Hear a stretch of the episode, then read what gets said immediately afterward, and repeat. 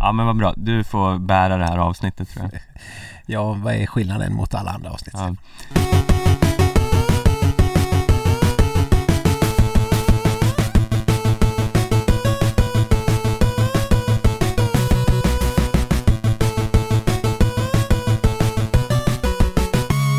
Ja, men god dag, god morgon, god kväll, god natt. Jag vet inte vilken tidszon ni befinner er i, höll jag på att säga. Ja, förmodligen svensk tidszon, men ja, vi har några lyssnare typ i Mongoliet och så om man kollar på Reach-kartan Ja, inne men- i Acast man har ju även sett så här, typ Bora Bora har det varit nedladdningar. Kanske Ja. inte just Bora Bora, men den typen av ställen. Men det, Men det är ju ändå troligare för där kan man ju vara på semester ja, Kanske inte nu då, för nu är man ju inte på semester nej. Men eh, Mongoliet är man väl sällan på semester i Varför är Bora Bora så top of mind på semester eh, när man ska dra ett exempel? Var det, var, var det där Victoria var?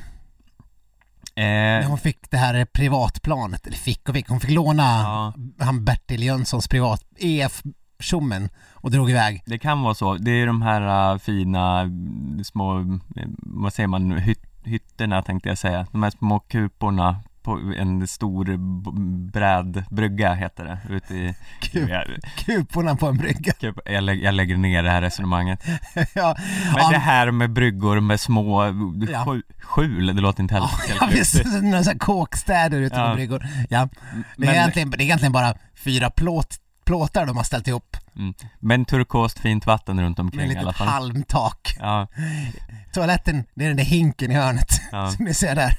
Och vatten, ja men drick, drick det havsvatten tills det inte funkar längre. ja, Det är Bora, Victorias Bora Bora semester.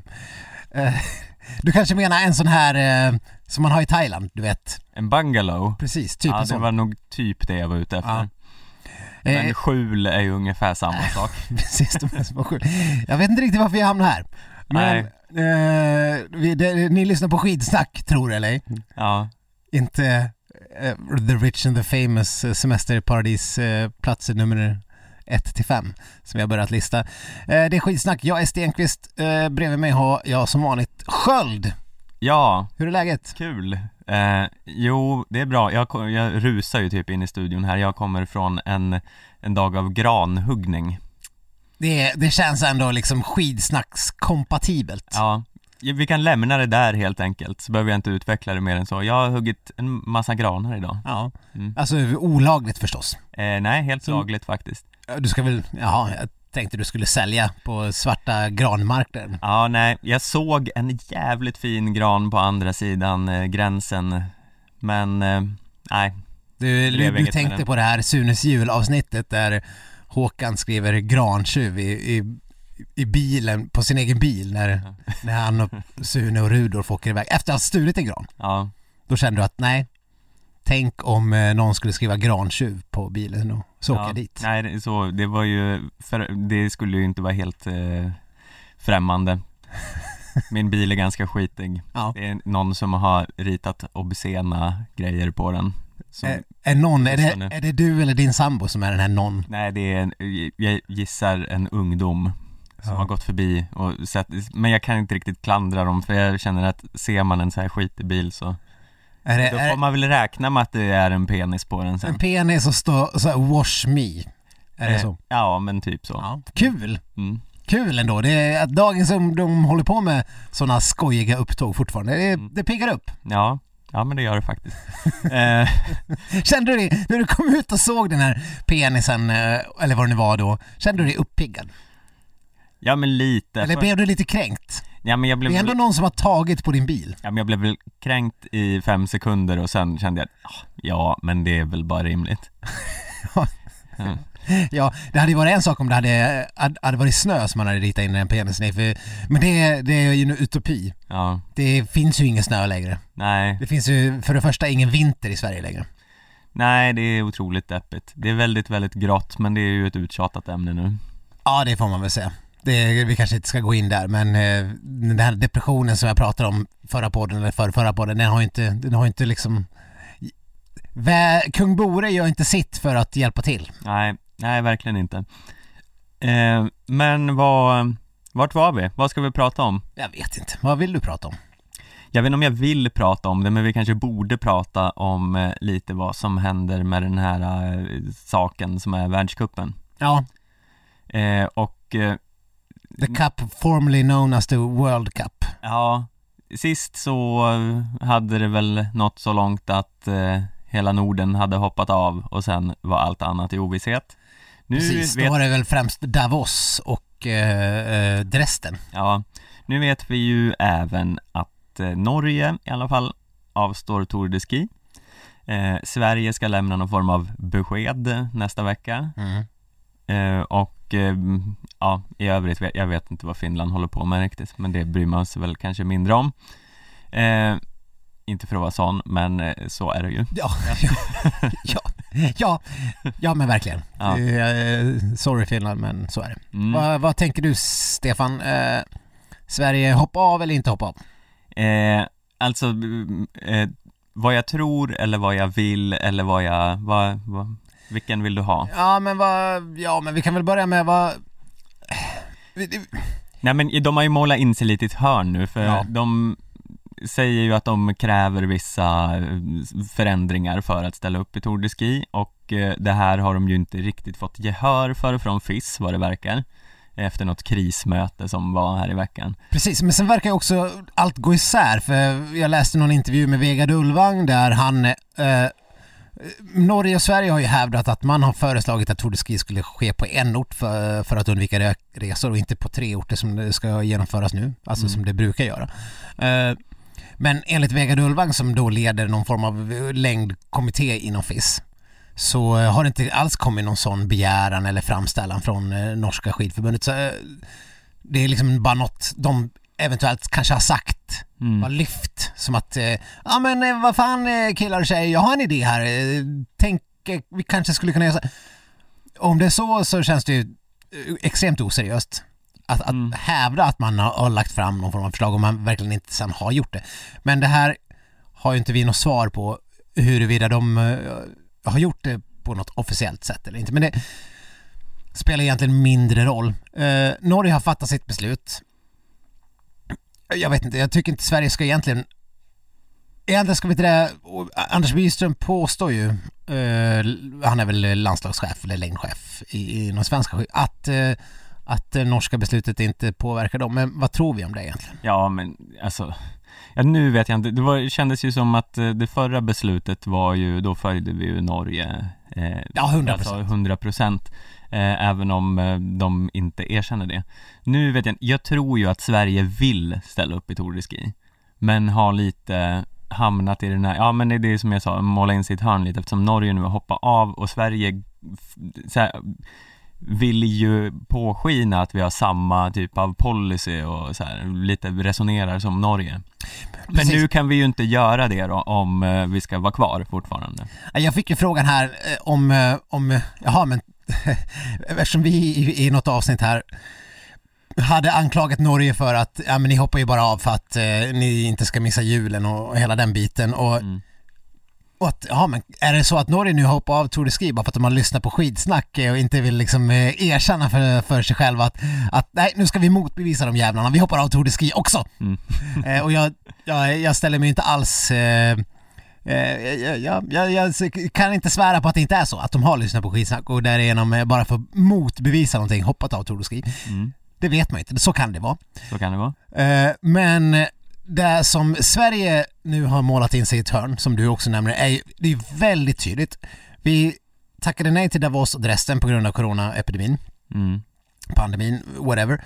Eh, om, om man ska fatta beslut nu eller i nästa vecka som det sägs, sägs att det ska komma så, så ser smittoläget ungefär lika dåligt ut Mm. som det gjorde för en vecka sedan, eller för två veckor sedan. Det är i princip värre. Visst, jag såg idag att Europa är på väg ner, men jag menar i de här alpländerna, alltså om, om man ska använda samma argument och eh, FIS verkar ju uppenbarligen inte ha tagit till sig av vad Sverige och Norge ville.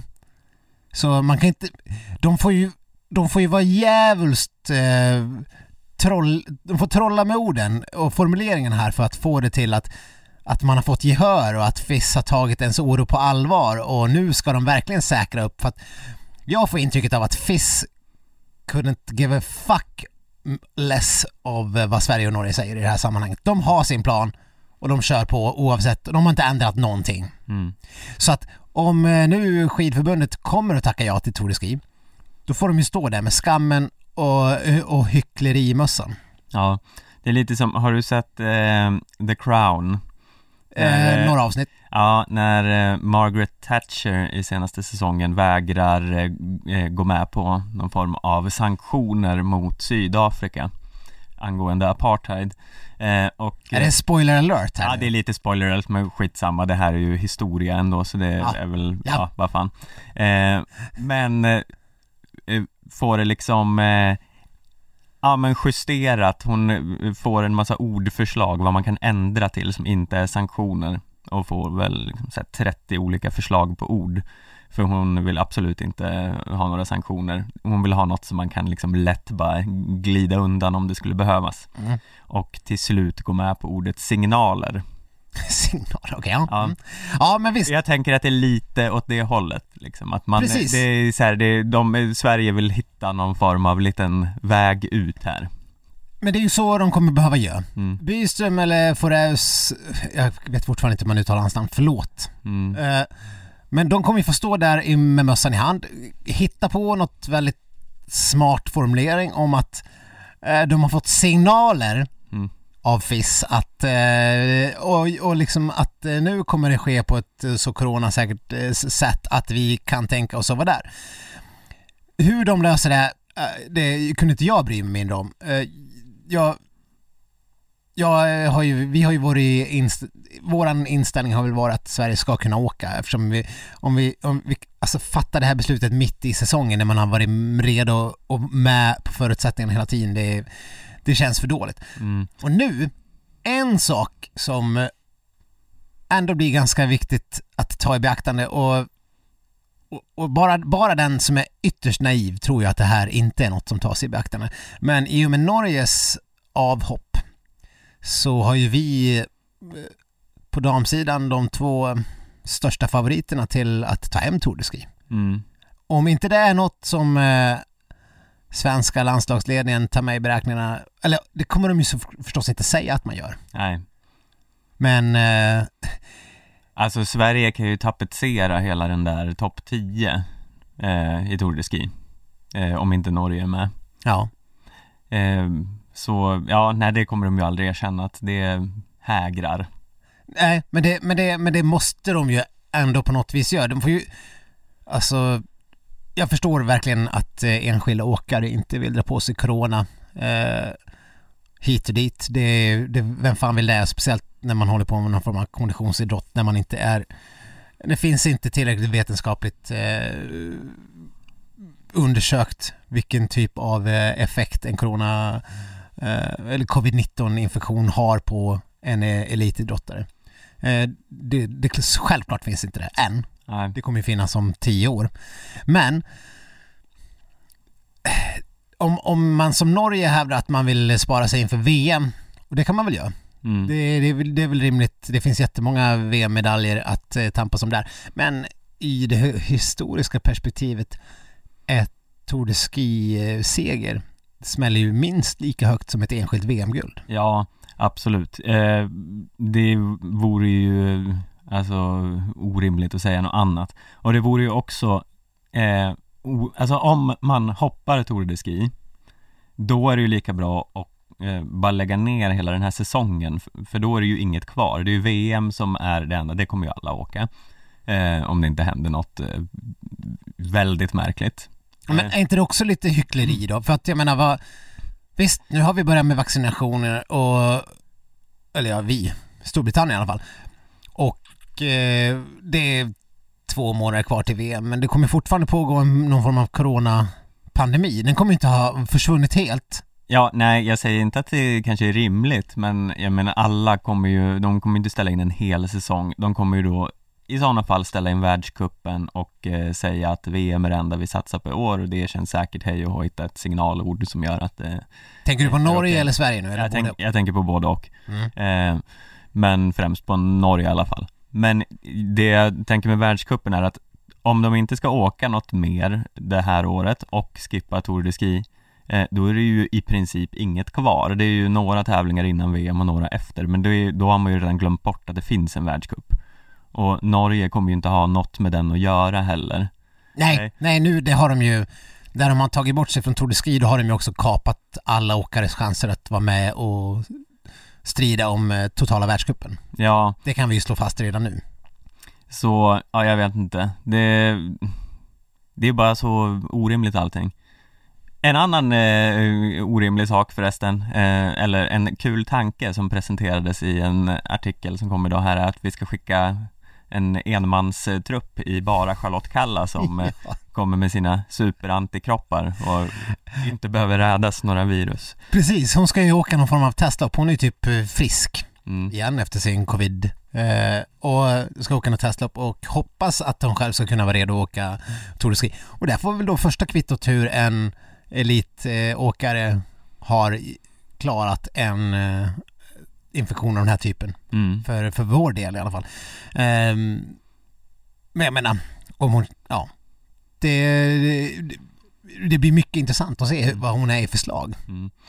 Eh, men tänk då om de hade skickat, alltså Sverige åker inte på grund av Nej. risken för smittspridning men vi skickar ensam Charlotte utan någon form av eh, landslagsapparat. Ja, bara Charlotte. Ja. Magnus som får åka med. Ja, hon, hon kanske får åka under någon så här OR-flagga.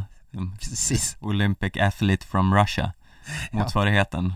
Åker i någon grå dräkt och har en eh, Och vi kan ju då, Flagga. vi kan ju då ge sådana här vallavästar till något annat lag så att de får ha fler vallar ute så kanske de kan valla hennes skidor. ja, Typ så här eh, Estland eller vad det brukar vara för de brukar ju mygla med sånt där. Det, låna in, Norge har väl varit bra på att låna in vallavästar av, av andra lag för att liksom mygla till att få, få ha fler vallar ute i spåren. ja. Antibody Athlete from, eh, from Sweden. Ja, det, En, nya, eh, det nya särlaget. Ja. Ja, ja det, man kanske får ha två världscuper. En med, en, en med antikroppsåkare. Eller en covidåkare, för, för de kanske har då sämre kapacitet. Ja, nej, men eh, vi får väl se. Eh, vi, när ni lyssnar på det här, då kanske det, ja, det skulle väl komma nästa vecka. Så att eh, vi, vi kommer väl få avvakta ett besked ja, om hur Sverige gör. Men vad vi vet är ju i alla fall att uh, världscuptävlingen i Ulricehamn har skjutits upp och eh, kommer att köras senare förmodligen. Eh, det, Precis, ja det har, förmodligen. Den har ju fått ett datum. Den kommer ju köras där eh, helgen 6-7 februari någonstans. Mm, Tror jag att det blev. Eh, Och eh, det var ju lite pikant för det var ett datum som jag vet att Lillehammer läste jag hade sneglat på för att få sin uppskjutna världscuptävling insatt där någonstans före VM. Men då gav man den till Ulricehamn istället Fiss och bara sa 'Fuck you Norge, nu får Ulricehamn ta den här' ja. Det känns som en eh, signal i dagens ord, men eh, känns det inte som en signal? ja, jag tror att eh, FIS har liksom gett upp hoppet om Norge nu. De är ju bara frifräsar eh, eh, landet som vägrar allt. Men de tänker att Sverige är lite så här vänder kappan efter vinden lite mer. Mm. Så nu vill FIS blidka Sverige genom att ge Ulricehamn ett fint datum där. Ja, det, så tänker jag också att det kan vara. Eh, och sen har vi ju då fortsatta svenska tävlingar i anslutning till det, så det skulle väl kunna minska resandet, tänker de också, Mm. eh, då, genom detta. Eh, ja, vi får väl se. Jag, jag, jag avundas inte de svenska skidförbundet som ska fatta de här besluten. Pliggen och allt vad de heter. Nej. Läkaren och... Det, det kommer ju... Vilket beslut de än tar så kommer det bli kritiserat. Ja, eh, det är ju I bara... alla fall av skitsnack. ja, ja det, det kan man nog utgå från. ja, nej men ska vi ta och byta sport då, så vi får ha lite roligt? Äntligen. Ja, eh, triggervarning för vissa då som eh, känner att eh, skidskytte är en, eh, ja jag vet inte vad det kallades, men eh, Ja, Nordic Ski PhD kan väl eh, snabbspola i 10 minuter nu då. Ja, men eh, vi har ju eh, haft en, eh, hel, jag vet inte vad man ska kalla den här säsongsinledningen längre. Det, har det varit så här bra någonsin tror du på det stora hela? Eh, mitt svar är nej. Nej. Jag, jag gissar att eh, det saknar motstycke i svensk skidskyttehistoria. Mm. Och eh, det, gör jag, det påståendet fäller jag ju utan att ha någon helst kunskap om svensk skidskytte före 96. Mm. Någonstans där. Det var ett väldigt exakt årtal Ja, ändå. men du vet man börjar liksom bli lite medveten om saker och ting när man är i 12-årsåldern tänker jag. Eh, före det, ingen aning om mm. vad, vad vi höll på med, eller om vi var bra. Eh, men, men efter det, nej men herregud det är ju helt sjukt. Eh, det går ju, ja, det, det slutar ju inte gå bra. Nej, eh, jag vet inte hur vi ska sammanfatta det här riktigt men vi, vi pratade ju om det förra veckan också. Men nu har vi ju haft eh, Hanna och Elvira Öberg på samma pall. Vi har haft Sebastian Samuelsson som tar helt plötsligt en världscupseger. Vi har damerna som i och för sig kändes det ju inte som någon skräll att de tog eh, en, en eh, stafettseger även om det var första gången på typ 10 år. Nej det var ju så här, man, man, man hade ju nästan varit besviken om de inte hade vunnit Ja, eftersom de är så jävla bra individuellt sett allihopa helt Mm. plötsligt. Eh, och så har vi herrarna som också eh, tog en stafettpallplats Mm. och eh, ja, jag vet inte vad som hände. Vet, Hanna hade- Öberg vann ju två raka tävlingar där. Pontzoloma parkerade Bö, hade det hänt innan förra avsnittet? Tror jag inte. Eh, nej, precis, han åkte ju... Han parkerade Bö. Mm, Så, så Bö stod i tv och var liksom helt, eh, nej jag, jag, jag hade ingenting att ge. Det var, det var liksom helt slut bara. Så kom han. och- ja, Han var ju knäckt.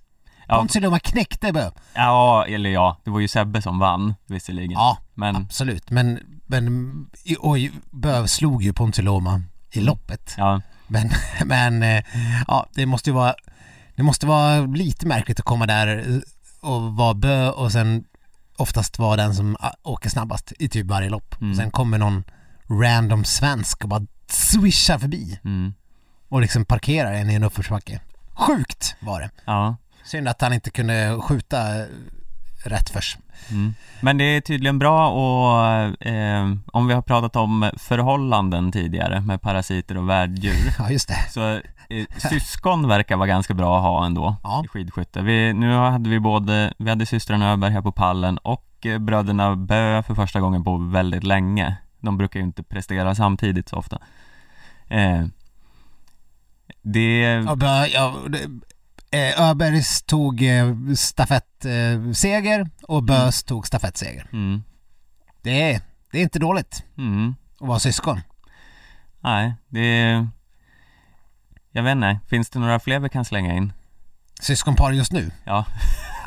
Nej, det är, ju- det är de där ständiga Fourcade-bröderna som vi har Ja, återkommit det, till. Det är ju liksom, det är, ja, det, är liksom, det är ju mer äldre. Fast där hade vi också lite värddjurparasit-symptom för den ena var ju inte så bra där. Nej, Men, äh, men det är skönt. Jag, det, jag känner att det, det är sjukt att ingen har eh, kläckt, eller liksom döpt om systrarna Öberg till systrarna Böbergen. ja precis. Eller, och, och att liksom inte parat ihop hela det här Bö och Öbergs eh. Ja, eh, Nu har vi ju en Hanna Öberg som är, eh, är tillgänglig ja, igen. och jag vet inte Ja, Johannes är väl inte tillgänglig i alla fall för han har ju nyss fått barn så jag gissar att hans eh, civilstatus är ganska bra. Ja, Eller god, bra. bra. Det var väldigt, Dömande.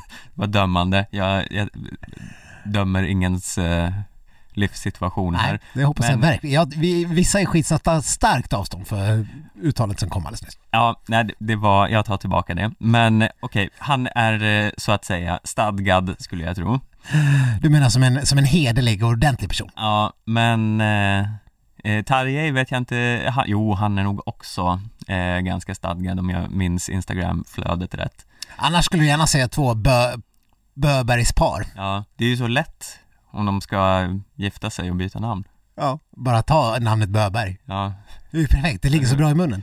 mm, Nej, men det har vi inte avhandlat. Eh, ha, nu blir det lite relationsradion eh, här. mm, Men Hanna Öberg och Jesper Nelin är ju no more. ja. Men det var, det, alltså det var länge sedan vi hade relationsradion så det tycker jag Ja, det är På sin plats. Ja, nej det har ju spruckit där va eh, Och eh, Och inte, inte bara att det spricker, utan det spricker och sen eh, kommer Hanna in i sitt livsform direkt. mm, Vad, vad drar du för slutsatser av detta, Stefan? eh, För jag vet att du har någon form av, eh, jag vet inte om jag ska säga galen teori. Nu ska jag inte säga, ja det här är inte min egen teori, det är en uppmärksam lyssnare som har kommit med en teori Ja. eh, Och det här handlar om att eh, det finns en köttschism i förhållandet eh, Öberg-Nelin Och den kan ha knäckt, knäckt det här paret Tecknena finns ju där ute för de som väljer att titta på dem. Ja, jag kan läsa till här. Mm. Eh, vi har ju då, det är en intervju i Dagens Nyheter där en massa elit eh, idrottare pratar om hur, vad, hur de tänker på miljön och klimatet och vad de gör för insatser och så vidare. Eh, då säger Hanna Öberg följande. Det här är alltså, ja men ett eh, tag sedan, så det är innan de gjorde slut. Innan köttschismen. Det här är Ja, det, köttschismen ja, det här är köttschismen, det här är eh, Det här pre-breakup. Ja. Eh, jag tycker att det är något som alla behöver tänka på. Det är klart att det mest miljövänliga, att det inte är det mest miljövänliga att hålla på med elitidrott. Men jag försöker tänka på de saker jag kan påverka. Det jag gör mest nu är att ta bort köttet ur vissa måltider och äta mer vegetariskt. I mitt hushåll, inom parentes sambo med skidskytten Jesper Nelin, är det lite skilda åsikter om det här, men det finns några rätter som går hem även hos honom. Oj då. Så svarar Hanna Öberg. Men, eh, Ja, det var inte en liten sting av eh, bitterhet. nej. Det var, det var ganska starkt uttalande. Mm. Eh, då går vi till vad Jesper Nelin svarade Han på kontrar på detta. Eh, ja, eller han fick åtminstone samma fråga. Han la salamin på bordet, att Mm. Bra fråga egentligen. Det är ingenting som jag är jätteintresserad av. Men man försöker väl ändå göra det bästa av det. Men att äta vegetariskt är ingen hit. Och det är inte alltid det är det bästa för miljön heller. Mm. Ja, eh, det, det ringer någon form av varningsklocka. Ding, ding, ding. Är, är Jesper Nelin någon form av klimatförnekare här eller? Ja, han verkade ju inte jätteengagerad. Man ju, det kan man ju dra slutsatsen i alla fall. Han är ju, jag, jag får ju lite den här känslan eh, eh, jag vet inte om du minns fotbollsspelaren Thomas Brolin, numera känd som instagrammaren Thomas Brolin. Ja, jo jag minns honom mycket väl och eh, följer honom fortfarande. Ja, härligt. Mm. Ja, han eh, bröt ju benet i, i någon landskamp tror jag, det här är väl typ 92 någonstans där, i, i, något kval. Jag Mm. tror det är då det händer. Och eh, han ligger på sjukhussängen och på den här tiden så tog man gärna emot journalister när man låg på sjukhussängen, det var inga Mm. konstigheter. Man låg där med nyopererat ben. Någon reporter frågar, eh, jag tror det jag tror det till och med finns filmat, ni får youtube det här men Jaha men vad gör du här på sjukhussängen då? Eh, Ja men läser du någon bok eller något? Eh, nej, så sjuk blir jag aldrig. Säger Thomas Brolin som svar då. Och eh, jag får lite samma känsla av Jesper Nelins Mm. uttalande här. Att eh, ja, nej det är inget jag tänker på. Mm. Men alltså hur, hur kan man vara typ, vad är han, 25 år och det är inte någonting man tänker på? Är, det, är det bara jag som lever i någon form av Stockholmsbubbla här? Men det är väl något som alla tänker på? Ja, alltså, ja, all, alla Nej, tänker inte ju förmodligen inte på det, men även om man inte tänker på det så känns det ju som ett, om man ska gå in som den här PR-strategen här, att eh, det är väldigt sjukt att säga det. ja. Jag ljug för fan. ja, ljug för helvete. Det här ser inte bra ut. Varken ur ett miljömässigt eller ur ett relationsmässigt perspektiv. Nej. Nej, sen klart, sen, sen har han säkert, eh, jag menar det, det, det kommer ju titt som eh, tätt så här artiklar om att nej men eh, era liksom de här Zika-bönorna. Zika var ju något virus det också. Ja. Men det, det skulle kunna finnas en böna som heter Zika-böna. Ja, Finns det till och med? Har jag hittat på det här? Jag tror du har hittat på det, men det låter ju en bra bön. Ja men det här, jag menar det, är ju- det, kommer ju vara den bästa bönan. Det kommer att innehålla liksom allt, det är bara protein, bara massa vitaminer, ba, perfekt.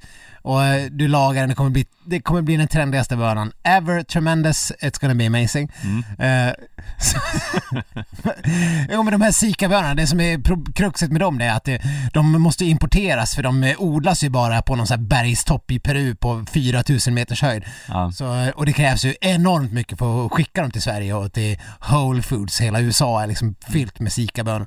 Eh, så det är liksom miljömässig katastrof. Och sådana rapporter kommit ändå, men o... O, o, o, o, o, jag vet inte vilket ord jag led.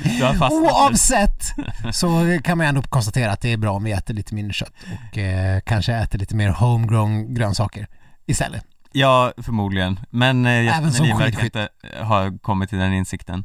Eh, men så går det ju sådär i skidspåret också. Ja, Mm. det känns som att eh, Hannas vegetariska linje verkar ge resultat. Ja. Undrar hur det såg ut i hemmet där när eh, Hanna stod och stekte de här morotsbiffarna. Ja men jag ser hur Jesper liksom drar fram någon jävla eh, rökt skinka ur kylskåpet och bara vrider upp förpackningen och rasar i. Kastar, står och skriker, de har liksom ett våldsamt gräl. Han, han tuggar skinkan samtidigt som det bara sprutar fradga ur mungiporna på honom. Ja. Tror du att han har yppat ordet kaninmat någon gång? Ja. Du kan väl stå där och steka dina jävla kaninmatsbiffar. Mm. Någonstans där. Det är väldigt roligt. Min, eh, min farfar, jag ursäktar honom för det här för han kommer ju lite från en annan generation. Ja. Men han eh, hatade grönsaker. Ja. Han hatade eh, i synnerhet tomater. Jaha. Eh, Oväntat grönsaker har sånt Ja. innerligt hat mot. men eh, han, eh, farmor tvingade honom att äta dem ändå. Eh, så han, men han tyckte inte om det så han åt dem eh, hela inom citationstecken. Alltså han åt inte hela, svalde hela tomater men skivorna liksom svalde han. Jaha. Han tuggade aldrig på Han, ska, han skulle inte, han vill inte känna någon tomatsaft i, i sin gom. Så en sån här klyfta, eller vad det heter, en, så här, en liten bit Ja. tomat svaldes hel för han ville ju absolut inte känna smaken. Nej, nej. Mm. Men kunde han inte bara få någon annan grönsak? jag tycker det var lite taskigt av din farmor. Ja, grönsaksnazist. ja jag, vet, jag vet faktiskt inte hur han förhöll sig till övriga grönsaker. Jag kommer inte ihåg så mycket av det, men Nej. eh, inget fan Nej, på det okej. stora hela. Nej, Jag, jag kan ju alltså, jag kan tipsa din farmor, ja, Ja, may de, she rest. ja, de lever ju inte någon av Nej. dem längre, så jag kan inte fråga dem om det, men eh, ja, Ja, vi, har ju, vi har ju det här tricket då med barn att eh, man gör typ soppor av grönsakerna istället. mm, Och så mixar man det och då går det hur bra som helst. Eh, det, alla som har varit barn vet ju att, nej men kolla vilken stor lökbit, eller vad är det här? Det är en bit svamp i min mat. Mm. Blä, jag tänker inte äta någonting. Mixa, gör soppa. Mm. Det, det, det är mitt tips till eh, struggling parents där ute i livet. Nu har den bytt spår igen den här podden. Ja, Mm. nu, nu, nu är vi någon form av eh, föräldrapodd. Ja. Eh, Hur ska- Spännande. Veckans läsarbrev. jag och mitt barn vill inte äta grönsaker. Men, eh, Nej, jag- det vill inte min farfar heller faktiskt. Nej. Ja. Nej men om ni har några frågor kring eh, kost och eh, barn så, Ja. så skicka in dem till skidsnack.aftonbladet.se Eller frågor om eh, Bora Bora till exempel.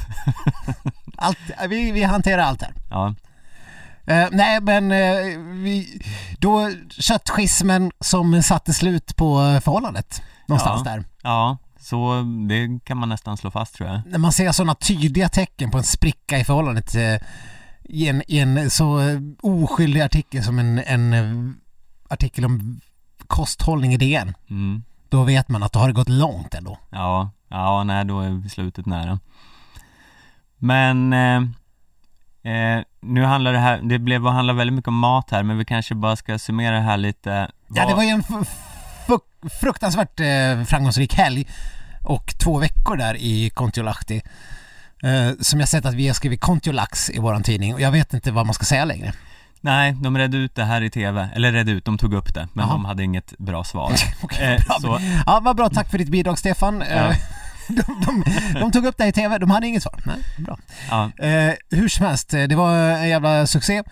Jag tror de drar vidare till Hochfilzen mm, nu och vi har ju pratat om det här förut men skidskytte är ju, menar de är ju rena genierna jämfört med FIS eftersom eh, IBU har tagit beslutet att eh, skära ner på eh, orterna man har tävlingar på. Så nu kommer de vara i Hochfilzen i och köra typ två tävlingshelger då.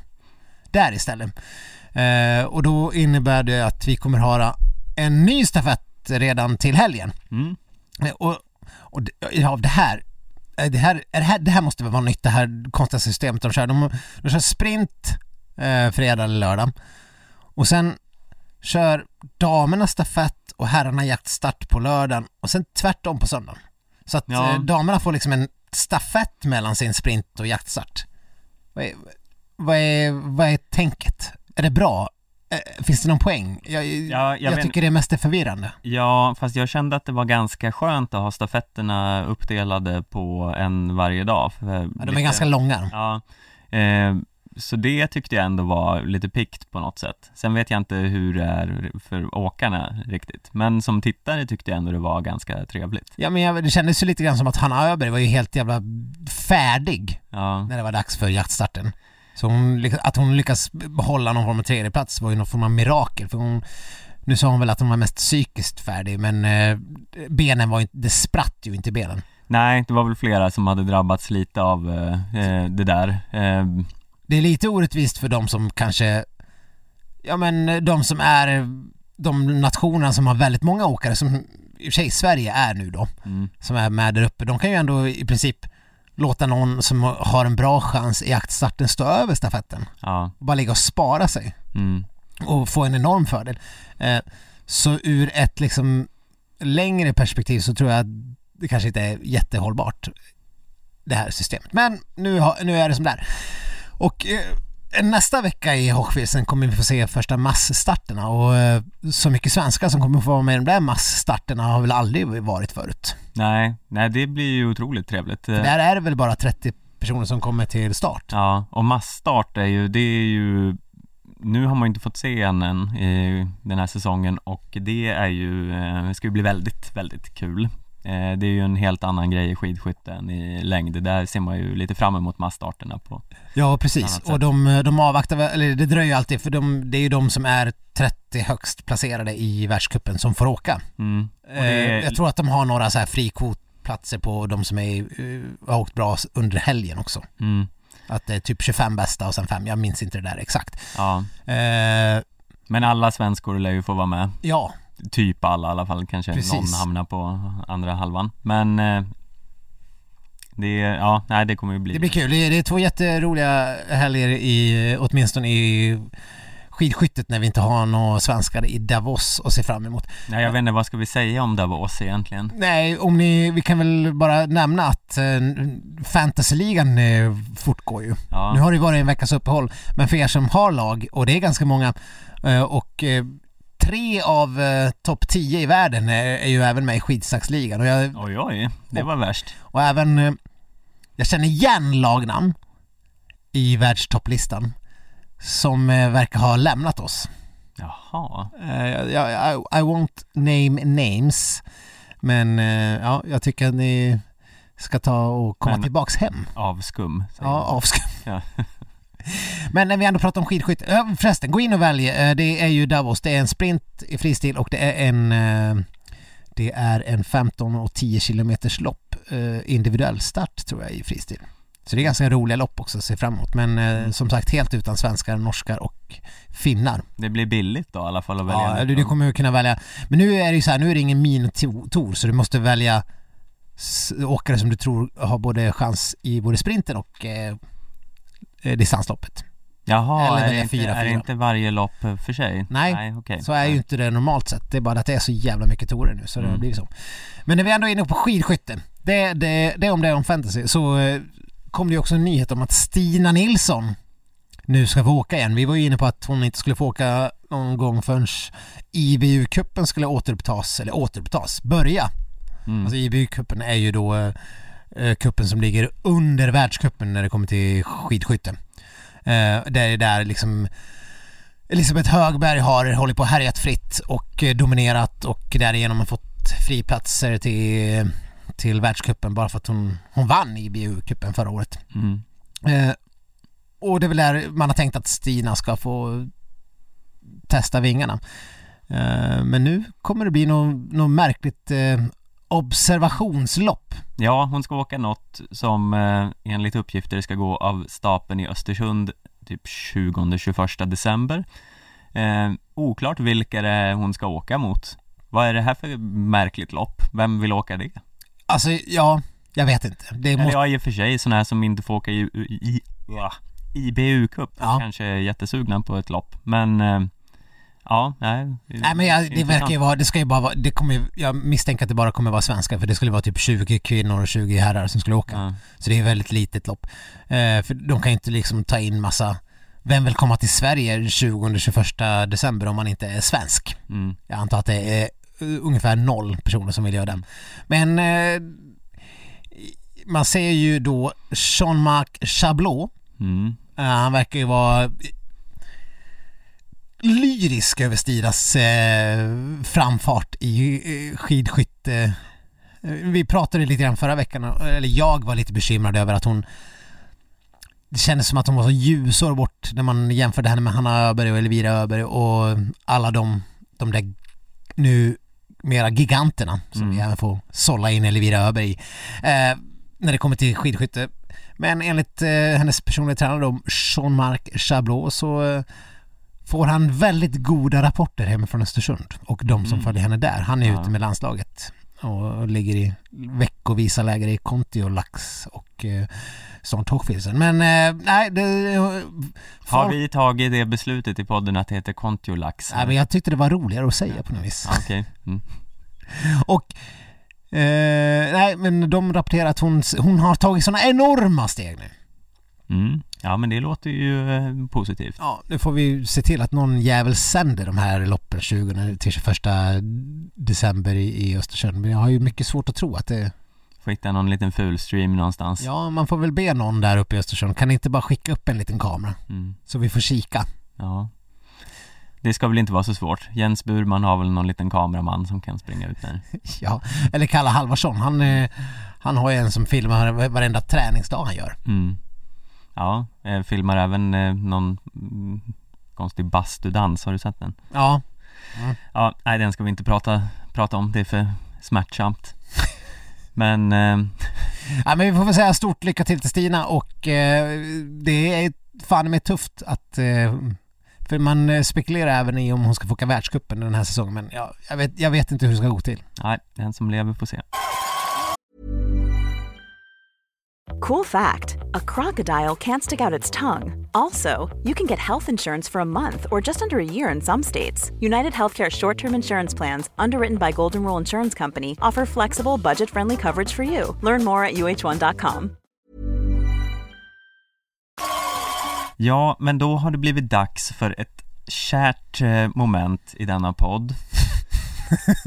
Om Du skrattar du. själv. Ja. Nej, nej jag, jag håller med. Ja, det Jag, jag gillar att du lyfter upp dina egna ja, men det är älskat och uppskattat av många Ja. lyssnare också. tusentals Mm. eh, mail och eh, samtal strömmar in till podden varje gång. Ja, Det är in, varje vecka när vi inte eh, har med det här. ja.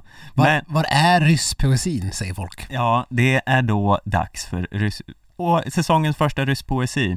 Eh, Corona edition. Eh, jag läser Sergej Ustjugovs eh, ord. Kära vänner och fans av skidåkning.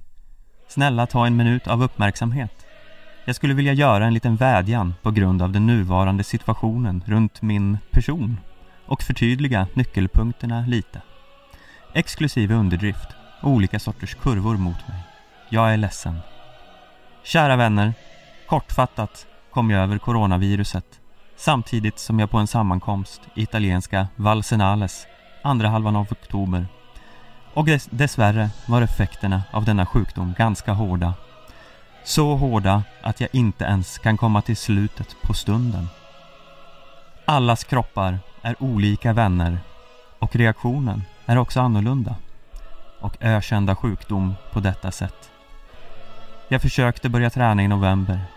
Sakta dra in. Men, men. Alla mina försök var tyvärr förgäves.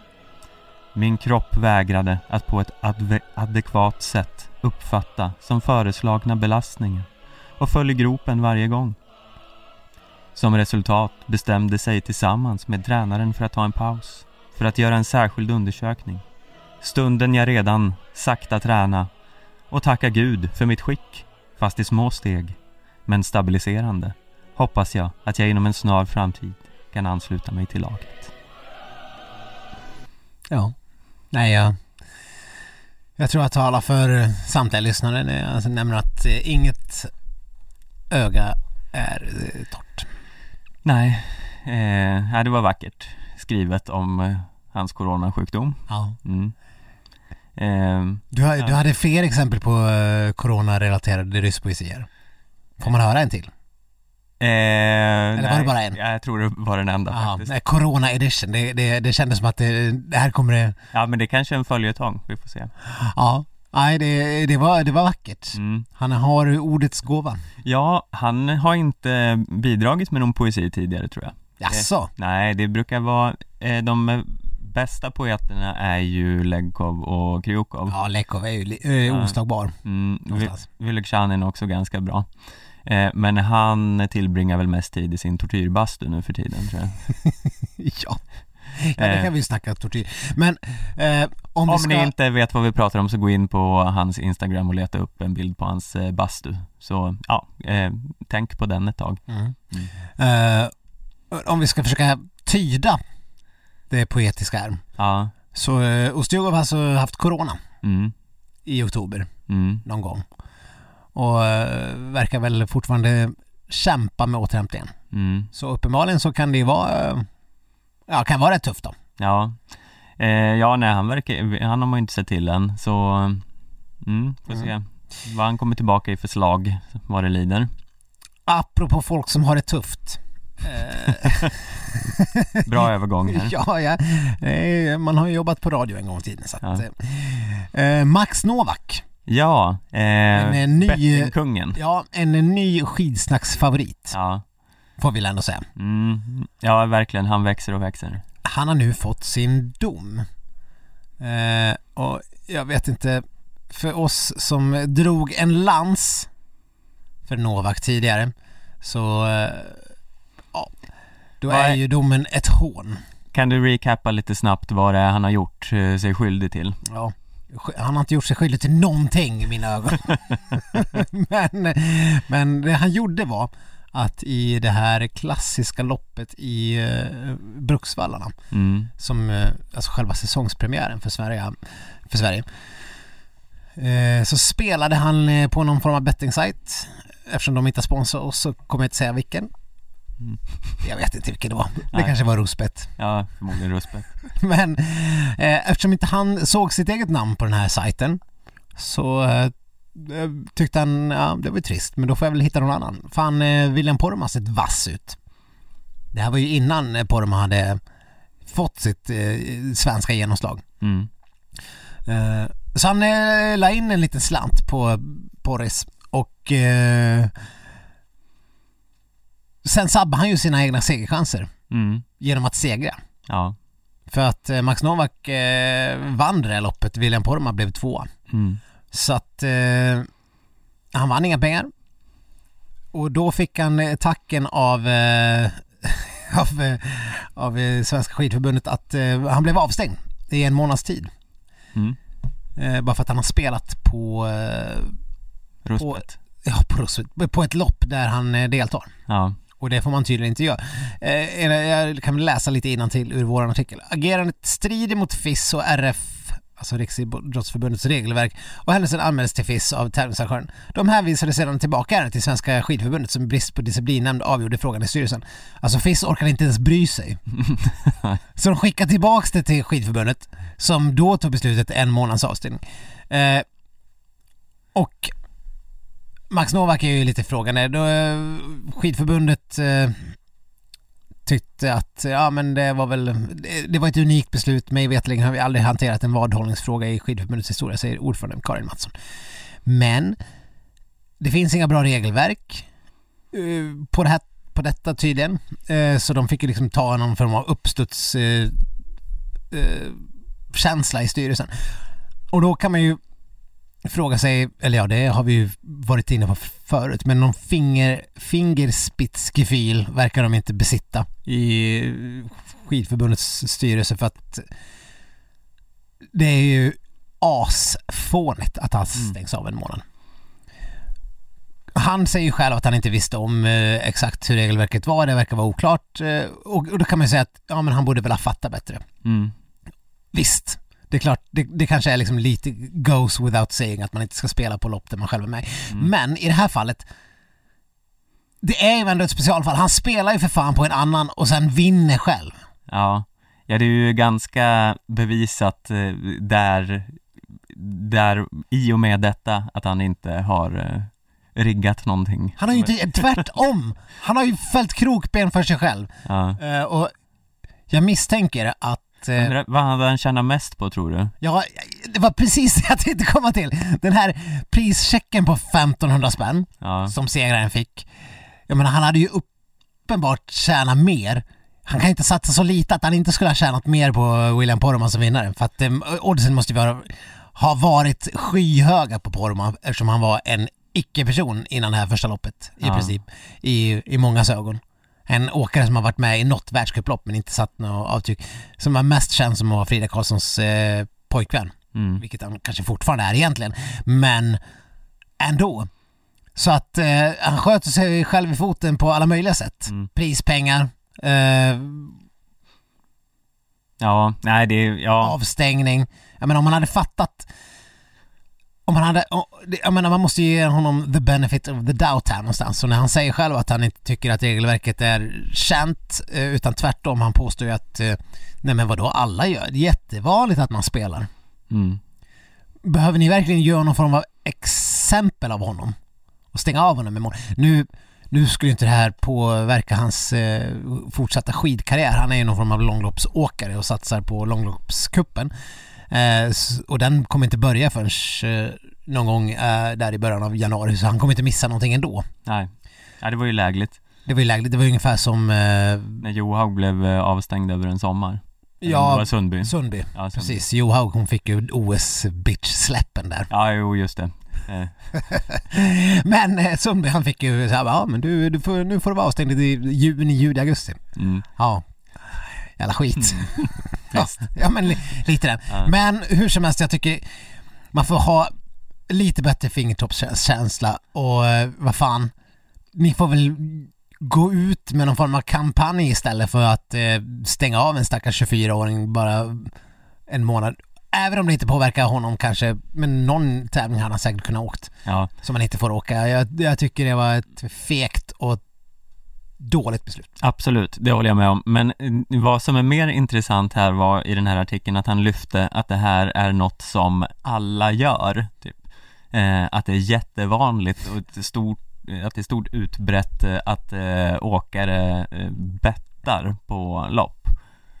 Och eh, eh, jag känner bara att, eh, jaha, eh, varför då och vilka lopp och vad liksom Ja, jag har lite svårt att se Jag har lite svårt att se det här helt enkelt Ja, Vilka håller Kalle Halvarsson på och bettar på Jens Burman och, eller, och, eller bettar de på världskuppen? Ja, jag, jag, fattar inte nej, man skulle vilja ha lite inside information på det här. Ja, Hur det verkligen ligger till. Hur utbrett är spelmissbruket i skidvärlden? Det känns, det, det, jag menar, jag, jag har ju knappt eh, men det är knappt som man har hört talas om att det ens går att spela på skidåkning. Jag har ju jag har aldrig gjort det. nej, alltså det, jag tycker det går att hitta så betting på skidskytte men eh, skidåkning är inte helt lätt Nej. Ehm, så ja, nej det här är väldigt intressant. Om någon sitter på mer info kring det här får ni gärna höra av er. Eh, för övrigt eh, nämnda Jens Burman här, det går ingen nöd på honom eh, har han berättat i en intervju. För det, de eh, får ju lite dåligt med intäkter nu när de inte får åka något lopp. Eh, men han eh, lever ju gott på sambons eh, miljonvinst. Just ja. Trissmiljon va? Ja, Ja herregud. Han behöver inte, han, behöver, han kan lägga ner skidkarriären. ja, Det är bara, det, de lever på räntepengar nu resten av livet. ja, herregud. Nej, men eh, vi får väl se eh, hur det blir med... Det, det är det som är mest spännande kommande veckan eh, förutom skidskyttet, vad kommer Sverige göra? Det är, vi kommer i alla fall sitta på helspänn. Mm. Eh, annars så tycker jag att ni fortfarande ska höra av er om allt möjligt till oss, skidsnack.aftonbladet.se eh, Följ oss på skitsnack, Facebook och Instagram. Annars så tror jag att vi är ganska nöjda för idag, Stefan. Ja, det är vi väl. Det gick väl helt okej det där. Ja, Ja. Det, det var två plus. Två plus? Ja, jag säger eh, fyra äpplen. Fyra äpplen. Ja. Härligt! Eh, ha en eh, trevlig vecka. Vi hörs igen. Hej då! Hej då!